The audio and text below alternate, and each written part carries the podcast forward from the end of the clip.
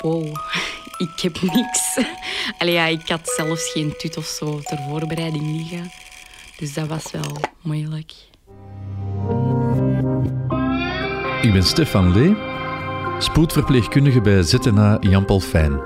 Sinds 1998 ontmoet ik elke dag tientallen mensen. Met een mug of op de spoeddienst zelf. Dat zijn in veel gevallen heel intense ontmoetingen. Maar even snel zijn die patiënten weer weg.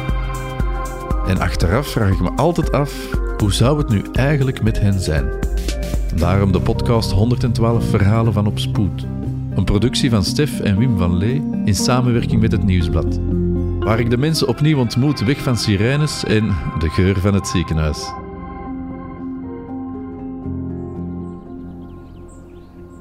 Was ik weg van de geur van het ziekenhuis en toch voor de eerste podcast van 112 verhalen staan we voor de spoedgevallen van ZNA Jan Paul Fijn. De spoed waar ik sinds 1998 werk. Nu, de roeping om op spoed te werken was er al als kind. Elke keer wanneer een ziekenwagen passeerde, wou ik weten wat er aan de hand was en hoe mensen werden geholpen in noodsituaties. Et voilà, Voor de eerste podcast heb ik afgesproken met...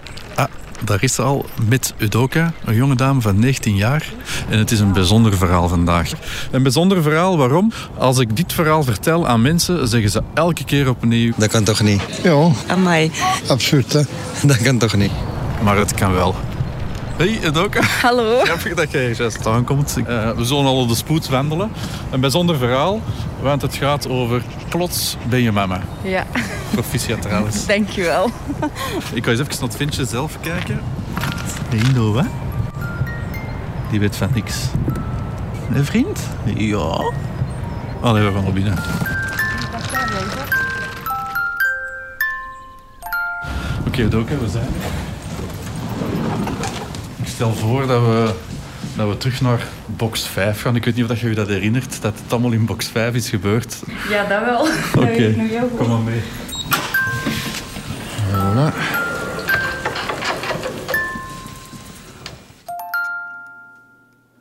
Voilà. We zijn aangekomen in, uh, in box 5. Trouwens, ja, voor de luisteraars, zij luisteren alleen. Ik ga u even beschrijven. Ik zie voor mij een hele mooie jonge dame zitten. Met niet echt Vlaamse roots. Dat klopt? Dat klopt, ja. Udoka verklapt het ook al een ja. beetje. Uh, het is een mooie naam. Udoka, van waar komt die naam? Um, uit Nigeria. Mijn papa is van Nigeria. Ja, ik probeer met dit verhaal een, een, vooroordeel uit de wereld te helpen. Want elke keer als ik een verhaal uh, meemaak, zoals ik met jou heb meegemaakt, zeggen de mensen altijd: nee, Stef, dat kan niet. Maar het kan wel. Je kan plots mama worden zonder dat je het geweten hebt. Ja, inderdaad. Als je op spoed kwam, want het was nachtdienst, weet je nog juist wat uw klachten waren? Um, ja, eigenlijk weet ik dat nog heel goed. Ik was twee weken voordat ik naar spoed ben gekomen, naar de wachtpost gekomen. Omdat ik um, last had van rugpijn, maar het bleek dus dat ik een nierbekkenontsteking had. En twee weken later ging de pijn dus eigenlijk niet meer weg. En dacht ik, ah, er is iets met mijn nieren. Dus ik ben naar hier gekomen met klachten van mijn nieren. Dus ik dacht, ja, nierstenen of zo. Maar... Uh, dat was niet. Dat was niet. En eigenlijk, ik kan mij dat nog heel goed herinneren, want ik heb u binnengenomen als eerste. Ja, ik was helemaal mee in het verhaal. Dus ik dacht ook van ja, die heeft een, een niersteen of een pylonefritis noemt dat dan, een, een, nierbekkenontsteking. Of uh, wat, dacht ik nog? Uh, een probleem aan de gal. Daar heb ik ook nog aan gedacht. Hè. Misschien is het een galprobleem. Om maar te duiden aan, aan de luisteraars ja, ik zie een jong meisje binnenstappen op spoed. En ja, jij er ook absoluut niet zwanger uit.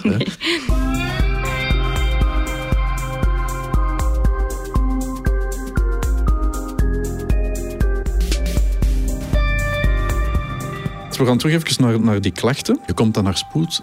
Maakte je grote zorgen op dat moment? Um, niet echt eigenlijk, want meestal als ik, uh, als ik naar spoed ga, kom ik altijd naar hier. En ik word altijd wel vrij snel geholpen en goed geholpen. Dus ik dacht, ja, dat zal wel iets zijn en we zullen dat wel opgelost krijgen tegen allee, over een paar uur. Dus ja, ik had niet echt verwacht dat er iets ernstig ging zijn. Ik weet nog, ik heb bloed genomen bij jou. Ik heb iets gegeven tegen de pijn. Uh, ik heb ook een urinestaal genomen. En zonder dat we dat aan de jonge dames of vrouwen vragen, doen we altijd een zwangerschapstest. Ik weet nog dat het die nacht vrij druk was. Dus je hebt een tijdje ook in de wachtzaal teruggezeten. Ja, totdat er natuurlijk plots bij ons de computer ja, de resultaten binnenkwamen en zwangerschapstest positief. dus ja, dan zijn je terug binnengeroepen, hier in deze box, box 5. Vond je dat gek dat we dat gedaan hadden, die zwangerschapstest? Um, eerst wel, maar daarna dacht ik, ja, je bent een jonge vrouw. Uh, zeker als je seksueel actief bent. Dat is eigenlijk nooit um, erg om te checken. Wat in deze geval ook goed was. Ja, ik vond dat wel normaal. Ook bij een operatie of zo wordt dat meestal ook wel nagekeken of gedaan. Dat klopt. Nu, wij hebben nu in box 5 gelegd. Wij, wij, wisten het eigenlijk al. We hebben het niet meteen direct gezegd. Maar dan hebben we u verder onderzocht. Meer dan dat ik jou heb gezien het begin van de avond. Want dan had je ook nog een dikke trui aan, denk ik. Ik heb gewoon bloed genomen, pijnmedicaals terug in de wachtzaal gezet. Want het was inderdaad druk. Maar dan in box 5, in alle discretie, hebben wij u een stukje ontbloot. En wij de, de buik ook wat kunnen onderzoeken. En, en toen hadden we wel iets van... Oké, deze is een positieve zwangerschapstest. Maar er zit echt al wel een baby in die buik. Wat was uw eerste reactie toen dat je hoorde dat je zwanger was? Um, de eerste reactie was, ik moet nu mijn vriend bellen. ik, had hem, allez, ik kwam van bij hem, we waren net terug van de zee. En hij vroeg nog aan mij van, moet ik u naar huis brengen, moet ik meegaan? En ik zei nee, nee. Dus ik ben met de trein en de tram naar huis gekomen. En dan dacht ik, ja, ik moet hem bellen, want ja, hij moet dat weten, hij moet hier zijn. En dan dacht ik, oei, een miskraam. Dus in mijn hoofd was het echt chaos op dat moment, omdat ik zoiets had van... Ik wil dat kindje niet verliezen, ook al wist ik er niks van. Allee, ja, ik dacht, er is iets mis. Ook omdat ik nog niet zo lang geleden geopereerd was. En dus ja. Wat kunnen de gevolgen zijn van het niet opvolgen van een zwangerschap en hoe zit het met de hechting tussen mama en baby? Ik weet dat niet. Ik vraag het aan Sanne, vroedvrouw die zich specialiseert in het begeleiden van jonge mama's en papa's. Een vrouw wordt mama. Um, dat is voor iedereen een beetje anders, ten eerste. Uh, je zou kunnen zeggen dat veel vrouwen als klein kindje al een beeld hebben over hoe het zou zijn om, uh, om mama te, te, worden. Bij veel meisjes merk je dat wel, dat die er al mee bezig zijn. Daar kan het eigenlijk al starten. Um, dan natuurlijk, vanaf dat mensen bezig zijn met kinderwens, dan is er ook een heel proces dat zich natuurlijk afspeelt rond het moeder worden. Zeker vanaf het moment dat er een zwangerschap ontstaat. Daarin heeft de vrouw en de partner liefst ook um, heel veel tijd natuurlijk om ja, zich te gaan schikken naar hoe gaan wij dat doen? Wat verwachten we van elkaar? Wat verwacht ik van mezelf? Uh, wie gaat er mij ondersteunen? Dus er zijn heel veel dingen die daarin kunnen groeien in het mama worden. Maar dat is op zich niet per se noodzakelijk. Een vrouw die, die een kind verlangt, maar misschien niet weet dat ze zwanger is en dan plots bevalt, kan absoluut een inhaalmanoeuvre doen. Heeft misschien wel in het begin een beetje meer tijd nodig om te winnen, uiteraard. Want het is natuurlijk wel het is een heel grote omwenteling in uw leven om moeder te worden. Maar dat hoeft absoluut niet. Dus vrouwen ontwikkelen eigenlijk vaak een moedergevoel ook al door doorheen hun levensloop en niet alleen maar op het moment dat ze zwanger zijn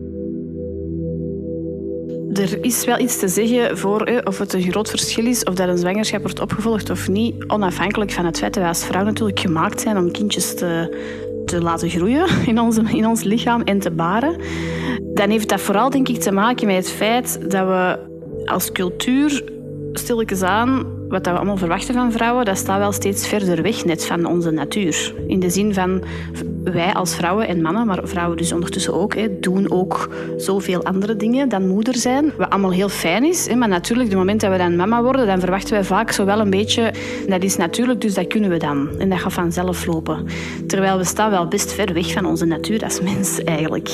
Stel dat het een gewone, gezond, evoluerende zwangerschap is, ja, daar zijn wij voor gemaakt. Dat kunnen wij gewoon als vrouw. Punt. Ondanks dat heel veel mensen daar heel bang voor zijn en of daar heel veel vragen en bezorgdheden over hebben. Wij zijn daarvoor gemaakt, dus, dus dat is echt wel wat er gewoon meestal gewoon goed verloopt. Los daarvan is er natuurlijk gewoon dan mentaal geen voorbereiding voor die vrouw. Wat dat dan wel, omdat we net nu niet meer allemaal uh, in de bossen wonen en uh, uh, zoals vroeger leven, ja, is dat net wel nu vaak wel belangrijk.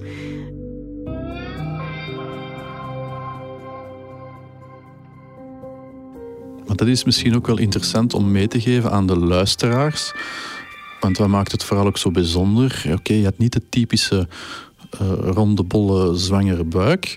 Maar je was ook in maart ja. vorig jaar geopereerd. Vertel daar eens iets over. Ehm, in maart heb ik dus eigenlijk een gastric bypass laten doen. Dus tijdens mijn zwangerschap ben ik heel veel kilo's kwijtgespeeld. En elke mogelijke symptoom, als ik er nu aan terugdenk, misselijkheid of zo, stak ik ook daarop. Omdat ik eigenlijk opnieuw moest leren eten.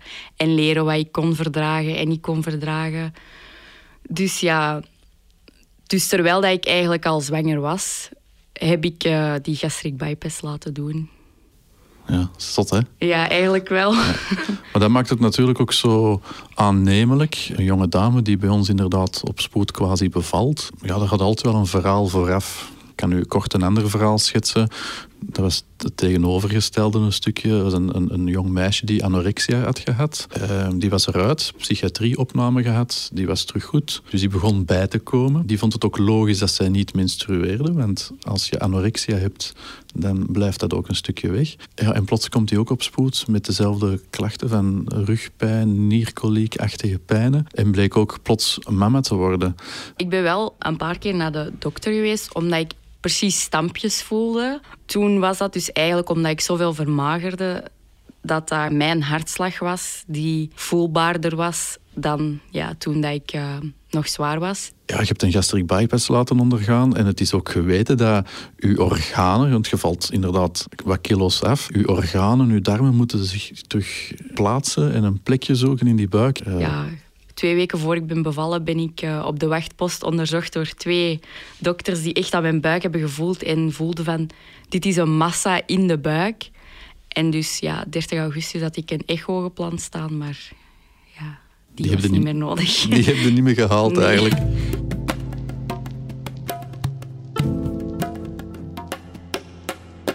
Ik heb ook heel veel tranen gezien. Ja. Je was, je was verdrietig, denk ik, of was dat eerder angstig? Ehm, eerst ja, angst, omdat ik, ja, ik heb alcohol gedronken, ik heb rauwe vis gegeten. Ik heb eigenlijk gewoon mijn leven geleid en niet voorzichtig geweest. Ik ben blijven werken tot um, ehm, 30 dagen voor de bevalling. Ik heb stages gedaan in de zorg. Dus al die dingen kwamen ook zo terug van, ja, je hebt daar helemaal niet rekening mee gehouden. En ja, dus eerst had ik wel een angst van, ja, er is iets mis of ik ben het kindje aan het verliezen. Maar daarna was het vooral van, wow, ik heb niks. Allee, ja, ik had zelfs geen tut of zo ter voorbereiding liggen. Dus dat was wel moeilijk. Ja, ik geloof dat ineens komt alles te samen. Hè. Uw vriend verwittigen, want die wordt ook plots papa. Ja. Uh, uw mama wordt plots oma. Uh, hoe, ja, hoe was eigenlijk de reactie van jouw vriend als je hem het nieuws vertelde? Um, hij dacht eerst omdat ik zo luid aan het wenen was, dat ik aan het lachen was. Want ik maakte er zo wel eens grapjes over als ik zo'n opgeblazen buik had. Van ja, kijk, kijk, zwanger. Um, dus ja, hij dacht eerst dat ik aan het lachen was. Maar ja, dat was dus niet. Dus toen moest hij bij hem thuis zijn mama laten weten dat hij naar Antwerpen kwam. Omdat ja, ik zwanger was en moest bevallen. Dus ja, hij, maar hij heeft dat wel, ja, hij is heel lief geweest en ook wel bezorgd, maar uiteindelijk toch wel een redelijk goede reactie, vind ik. Hij was ook wel direct van, ja, we gaan ervoor. Ja. Je wordt dan van spoed naar de verloskamer gebracht. Hoe is dat voor jou verlopen? Ik was heel angstig, omdat ik uh, nog nooit bij de gynaecoloog was geweest. En toen zei ik ook tegen mijn mama, oh nee, ze gaan inwendig voelen wat dat er aan de hand is. En ik zei, ik wil, uh, ik wil geen vingers in mij. En en ja, het eerste wat dat hij zei toen dat de vroedvrouw binnenkwam was... Ja, we gaan eens voelen. Dus dat was zo direct... Uh, ja, zo uit die comfortzone stappen. Maar op den duur heb je zoveel pijn dat dat eigenlijk niet meer uitmaakt wat dat ze doen... zolang dat die pijn maar weggaat. Ja, die pijn was misschien niet koliek, maar waren weeën. En dan, ja, plots ben je mama, hè. Moet je dat eerlijk bekennen. Op spoed hebben wij pronostiekje gedaan. Gaat het een jongen of een meisje zijn? en ik was verloren. Ik dacht dat het een meisje ging zijn. Maar het, was een, uh, of het is een, een jongen. Vertel maar, hoe, hoe, noemt hij? Uh, hij noemt is Noah. En uh, ja, hij is gezond geboren. Ehm, alles was in orde, gelukkig. Tien vingers, tien tenen. Ja, ja, alles erop en eraan. En, jouw omgeving, hoe reageerde die? Want het was allemaal s'nachts, dus ik vermoed dan s'morgens eh, beginnen de berichtjes en de... Uh, ik heb het nog niet bekendgemaakt eigenlijk, direct. Ik denk dat ik pas 6 september heb laten weten aan iedereen van oké, kijk, ik ben bevallen. Um, de meters en de Peter Zie wisten het wel. De Peter heeft hier op spoed heel de nacht zo in een stoeltje geslapen. Maar we hadden echt zoiets van oké, we gaan eerst bekomen voordat we het bekendmaken. Dus ja. En ja, dat was natuurlijk een schok voor de omgeving. Zo. Ook mijn vriendinnen, ja, mijn twee beste vriendinnen heb ik in de ochtend, zo een uur na de bevalling, een bericht gestuurd van ik heb echt een heftige nacht gehad. En die hadden echt zoiets van, wow, vorige week was dat nog niet. dus ja, maar wel heel veel steun ook, want um, die stonden de dag erna bij mijn mama thuis uh, met allemaal spullen en met kleren en met een bedje en met, met alles eigenlijk. Dus daar hebben wij wel veel geluk in gehad dat wij heel veel steun hebben gekregen. Het is heel belangrijk als je zoiets meemaakt, denk ja, ik ook. dat wel. Maar ja, toch ben ik verschoten van alle positieve reacties. Als je als mama plots bevalt zonder dat je dat hebt geweten, kan je wel, denk ik, op bepaalde manieren de band met je kindje bevorderen. Um, Uiteraard kan dat door vooral veel contact hebben met je kind, maar het is ook heel belangrijk dat die mama vooral voelt dat ze um, haar een tijd ervoor mag pakken. Dus ik denk dat een mama die onverwachts moeder wordt, vooral um, ruimte voor haar kindje gaat kunnen creëren en dus hechting en binding met haar kind, als dat een beetje ook op haar voorwaarden mag. Want dat is wel iets dat vaak in onze maatschappij weer heel centraal staat. Het belang van een baby is dan heel groot, wat ook heel belangrijk is. Maar het is ook heel belangrijk om te kijken hoe gaat het met de mama en heeft hij ook nog voldoende ondersteuning rond zich om op haar tempo te mogen dat kindje stilletjes aan toelaten in haar leven en in haar hart, om het zo te zeggen. Maar natuurlijk, wat wel, wel bewezen is, dat, is dat heel veel huid-op-huid contact eh, dat enorm bevorderlijk is om een hechting tot stand te brengen. Ik heb dat nog niet heel veel meegemaakt, uiteraard, want heel veel komt dat niet meer voor in onze maatschappij. Ik kan me voorstellen dat het eigenlijk allerlei reacties kan geven. Dus ja, er is niet zo echt denk ik één lijn te trekken. Ik denk dat dat echt kan verlopen als in heel natuurlijk en dat mensen echt voelen, ah oké, dat is dan zo. Maar heel veel hangt af denk ik van de mentale veerkracht en van de vrouw die totaal onverwacht moeder wordt. Ja, als zij daar heel flexibel mee kan omgaan, ja, dan loopt dat allemaal goed. Maar natuurlijk zijn er ook echt wel vrouwen die daar echt uh, moeite mee hebben en in het begin eventjes eerder afstand voelen van het kind en dan direct die nabijheid gaan opzoeken. Uh, die echt tijd nodig hebben om hun, uh, lijf, hun brein, hun emoties, hun zijn gewoon aan te passen aan het feit dat er nu plotsklaps iemand is die hun dag in dag uit nodig gaat hebben en ja, dat hun leven eigenlijk ook gevormd moet worden rond dat kindje. Ja, en dan, dan word je wakker, je bent, je bent een paar uur mama. Ja, enerzijds zal je daarvan genieten, maar anderzijds, je toekomst ziet er dan wel plots helemaal anders uit. Ja, dat wel. Want 24 uur daarvoor ja, had je een heel andere kijk op, op wat je allemaal ging doen. Ja, normaal ging ik op 1 september dus um, starten in een nieuwe richting. Ik ben uit de zorg gestapt, dus ik ging administratief verder. Maar ja, twee dagen voor het school begon, ben ik eigenlijk bevallen. Dus ja, dat ging ook niet meer door. Het plan was eigenlijk om verder te studeren en rustig op vakantie gaan met mijn vriend en samenwonen en dan aan kinderen beginnen. Nu is dat dus eigenlijk online studeren, um, proberen te gaan werken en zo snel mogelijk gaan samenwonen. Allee, op onze eigen plek. Dus ja, op dat vlak. En ja, alles draait nu ook rond Noah. Want we zijn nu bijna een half jaar verder. Of Ja. Hoe oud is Noah vandaag? Uh, Noah is vandaag vier maanden en twee weken, denk ik. 30 Oké. januari zijn vijf maanden. Ja, en ik heb hem daarnet gezien. Dat is een heel mooi kereltje. Dank u. Moest ik u dit verhaal vertellen? Een paar jaar geleden zou je mij geloven. Uh, nee. Dat meisjes of jonge dames kinderen krijgen zonder het te weten. nee, ik keek vroeger ook altijd Didn't Know I Was Pregnant op tv bij mijn mama. En we hadden altijd zoiets van... I instantly went into shock. Nee, dat kan toch niet? what are you talking about? I was in disbelief, not knowing what was going to happen to me. I was filled with fear. I kept asking myself, why didn't I know? Allee, dat kan toch niet dat je geen enkel symptoom hebt gevoeld of geen enkele beweging. En dan ja, overkomt u dat zelf?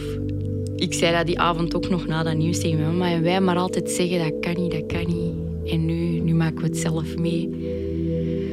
Dus ja, het kan dus wel. Het kan dus wel. Heb je een klachtenbrief gestuurd naar de prikpilfabriek? Ik was dat eigenlijk van plan, want ik dacht echt van... Alleen mijn dokter zei dat is 100% effectief. Um, die vroeg aan mij, krijgt je regels nog? En ik zei nee. En zij zei, ah, dat is perfect. Dat betekent dat je prikpil werkt. Ja, dat, dat was dus eigenlijk helemaal niet het geval. Maar een klein geheimpje binnen de familie. Je mama, net hetzelfde, hè? Ja, ook door de prikpil. Ja, die wist het dan wel dat ze zwanger was, maar die was ook, zwanger geraakt tijdens de, de prikpil. Hè? Prikpil, verdorie toch. Alhoewel, je hebt een gezonde jongen gekregen in de plek. Ja, nu ik erop terugkijk, ja. Ik ben heel content eigenlijk dat alles in orde is met hem en dat er geen complicaties waren. We hebben heel veel geluk gehad wel. U ook, hè? Ik zie voor mij vooral een stralende mama, mag ik nu zeggen. Uh, bedankt voor je verhaal te delen en ik wens je heel veel succes verder. Dank